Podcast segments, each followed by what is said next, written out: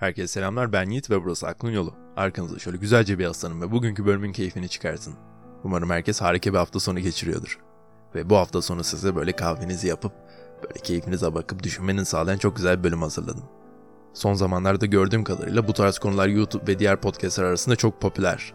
Fakat benim bu bölümü çekmekteki amacım e, bir önceki bölümde olduğu gibi e, ne ateist kesmi ne de inançlı kesmi provoke etmek. Her zaman olduğu gibi size felsefenin temellerini aktarmaya çalışıyorum ki bu konuda felsefenin en temellerinde yer alıyor. Umarım bugünkü programı beğenirsiniz. Bildiğiniz gibi Tanrı geleneksel olarak yani demek istediğim büyük dinlerin tanrıları mutlak kudrete sahip. Mesela Kur'an-ı Kerim Ali İmran suresi 189. ayette kesinlikle göklerin ve yerin mülkü ve her türlü başarı ve zaferin mührü Allah'ındır. Allah her şeyi gücü yeten yani kadir olandır der. Veya İncil'in Yeremah 32-17. ayetinde, ayet mi oluyor işte artık bilmiyorum. Ah egemen lordumuz, e, gökleri ve yeri büyük gücün ve her şeye uzanan kollarınla yarattın. Senin için hiçbir şey zor değildir gibi. Peki gerçekten böyle mi? Tanrı kendinin içemeyeceği kadar sıcak bir kahve yaratabilir mi? Biliyorum bu biraz sığ bir bakış açısı fakat literatürde en temel felsefik sorular arasında geçiyor. Bu argümanın ismi taş paradoksu. Tanrı kendinin dahi kaldıramayacağı kadar ağır bir taş yaratabilir mi? Ben az önce kahve içtiğim için değiştirdim soruyu. Neyse, eğer Tanrı bu taşı kaldıramıyorsa mutlak kudrete sahip değildir. Ve eğer bu bahsettiğimiz taşı yaratamıyorsa yine mutlak kudrete sahip değildir. İşte buna taş paradoksu, taş argümanı deniyor. Bu aslında çok yanlış anlaşılmış bir argüman çünkü bu paradoksun arkasındaki düşünce Tanrı'yı sorgulamak değil. Aksine mutlak kudreti sorgulamak. Mutlak kudret diye bir şey var olabilir mi? İşte bu paradoksu yıllarca araştırıp düşünmüş insanlar. Hatta bu konu hakkında düşünmüş insanların başına Thomas Aquinas geliyor. Adama göre bu soru hiç de adil bir soru değil. Hatta bir nevi üçkağıtçılık, hile yapmak.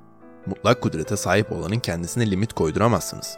Çünkü bunu yapmak mutlak kudrete sahip varlıktan öyle olmamasını istemektir ki bu aşırı derecede mantıksız ve gereksizdir. C.S. Lewis denilen bir abimiz de Tanrı'nın kare şeklinde bir yuvarlak yaratıp yaratamayacağını düşünmüş. Bu soru yine mantıksız çünkü kare şeklindeki yuvarlaklar mantıksız. Yani bu adamlara göre sorduğumuz soru mantıksızsa mantıklı bir cevabı da olamaz. O yüzden Tanrı'nın mutlak kudretini bu şekilde sorgulayamayız. Fakat ne yazık ki bu başlı başına Tanrı'nın bu suçlamadan kurtulması için yeterli değil. Çünkü bahsedilene göre Tanrı kesinlikle mutlak kudretlidir. Yani bu da demek oluyor ki mutlak kudret sıfatı olmadan Tanrı'yı düşünemeyiz. Yoksa düşünebilir miyiz?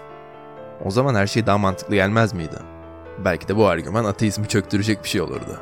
Çünkü Tanrı'nın dünyadaki zulme ve ızdırabı bitirmemesinin sebebi basitçe bitirmek istemiyor demek yerine mantıklı bir açıklaması olabilirdi o zaman. Belki Tanrı teorik olarak sınırlı güçte olsaydı her şey daha basit olabilirdi. Çünkü Yüzüklerin Efendisi'ndeki karakterler bile sonsuz güce sahiptir ki onlara inanmak gibi saçma bir şey yapmıyoruz. Bu yüzden sonsuz güce sahip olana inanmak daha zor değil mi? Öyle olmamalı mı yani? Derseniz size şunu söylerdim. Belki de Tanrı o kadar değişik, o kadar farklı bir şeydir ki bizim bu küçük işe yaramaz beynimiz onu anlamlandırma cüretinde bile bulunamıyordur. Ve eğer bunu anlamlandırmayı denersek yine küçük beynimiz tarafından saçma diye konumlandırılacak bir sürü argüman yaratırız. Yani taş paradoksu gibi. Şimdi sonuçta mesela evrenin boyutunu beynimizde canlandıramıyoruz yani hayal edemiyoruz. Belki de bu argüman en başından beri böyle bir argümandı. Desem, siz de bana şunu dersiniz. Tanrı bizim anlam düzeyimizde değilse, Tanrı'nın bizden yapmamızı istediği şeyler veya Tanrı şunu şunu yapmamızdan hoşlanmaz gibi şeyler neden bizim anlam düzeyimizde? Vallahi haklısınız ama siz bana bunu derseniz ben de size şunu derim. Belki de bu argümanlardan kurtulmanın bir yolu vardır. Üçüncü bir taktik.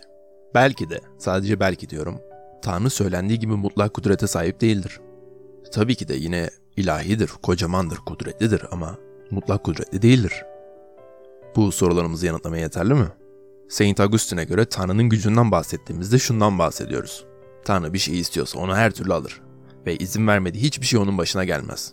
Yani kaldıramayacağı değil de kaldırmayı kibarca reddedeceği bir taş yaratabilir. Ama eğer çok çok çok isterse o taşı da kaldırabilir. İşte Saint Augustine'e göre mutlak kudret bu anlama geliyormuş. Ama eğer bu adam haklıysa aklımıza şu sorular geliyor. Az önce dediğim gibi Tanrı neden dünyadaki zulme ve ızdıraba izin veriyor? Sizin için bunu araştırdım. İnternetin en derinlerinde, en karanlık yerlerine indim. Hatta bir ara o kadar çok indim ki bir daha asla çıkamayacağımı düşündüğüm anlar oldu. Ekşi sözlükten bahsetmiyorum. Daha da derin. Kızlar soruyoru da demiyorum. İspanyolca yazılmış bir teoloji bloğuna ulaştım. İşte orada şöyle bir yazıya rastladım. Din ve inanç ile ilgili tüm bu argümanları anladık tamam mı? Bunları düşünüyoruz tamam çoğunlukla beynimizi zorluyorlar. Hatta Aklın Yolu Podcast bunlardan sürekli içerik üretiyor ama belki de din bunlardan tamamen alakasız bir şeydir. Belki de dinin tek amacı sadece insanların hayatını iyileştirmektir. Örnek vermek gerekirse, mesela 20. yüzyılda Latin Amerika'daki Katolik kiliselerin solcu ekonomik yapıda dahil olmak üzere yaptığı binlerce yardım ve aynı zamanda dönemin askeri diktatörlüğüne karşı yapılan dirençte en başta gelmesi. Evet bakın sabaha kadar bu teoloji, bu e, paradokslar, bu din felsefesinden, Tanrı'dan bahsedebilirim size ama belki de dinin tek bir amacı var o da insanların hayatını iyileştirmektir. İşte bu düşünceye göre din asla ulaşılamayacak bu sonsuz kudrete bağlı ütopik şeyler olmamalı. Aksine hepimizin içinde tüm hayatımızda sürekli olarak görebileceğimiz hatta dokunabildiğimiz bir şey olmalı. Yani arkadaşlar din yaşayan bir şey olmalı. Çünkü biz insanlar yaşayan şeyleriz. Belki de işte tam olarak bu düşünceden dolayı Tanrı'nın mesajlarını Tanrı bize doğrudan anlatmayıp peygamberler yani bizim gibi canlı etten kemikten varlıklar kullandı. Zaten din de böyle olmalı arkadaşlar. Dediğim gibi kanlı canlı olmalı. Bir fantastik hikaye değil yani. Ama bildiğiniz gibi peygamberlerin zamanı çoktan geçmişte kaldı. Şu an modern insanlar için çok bir şey ifade etmiyor ne yazık ki. Belki de işte şu anki inanç sıkıntılarımız teolojik sorunlarımızın başında en temelinde bu geliyordur.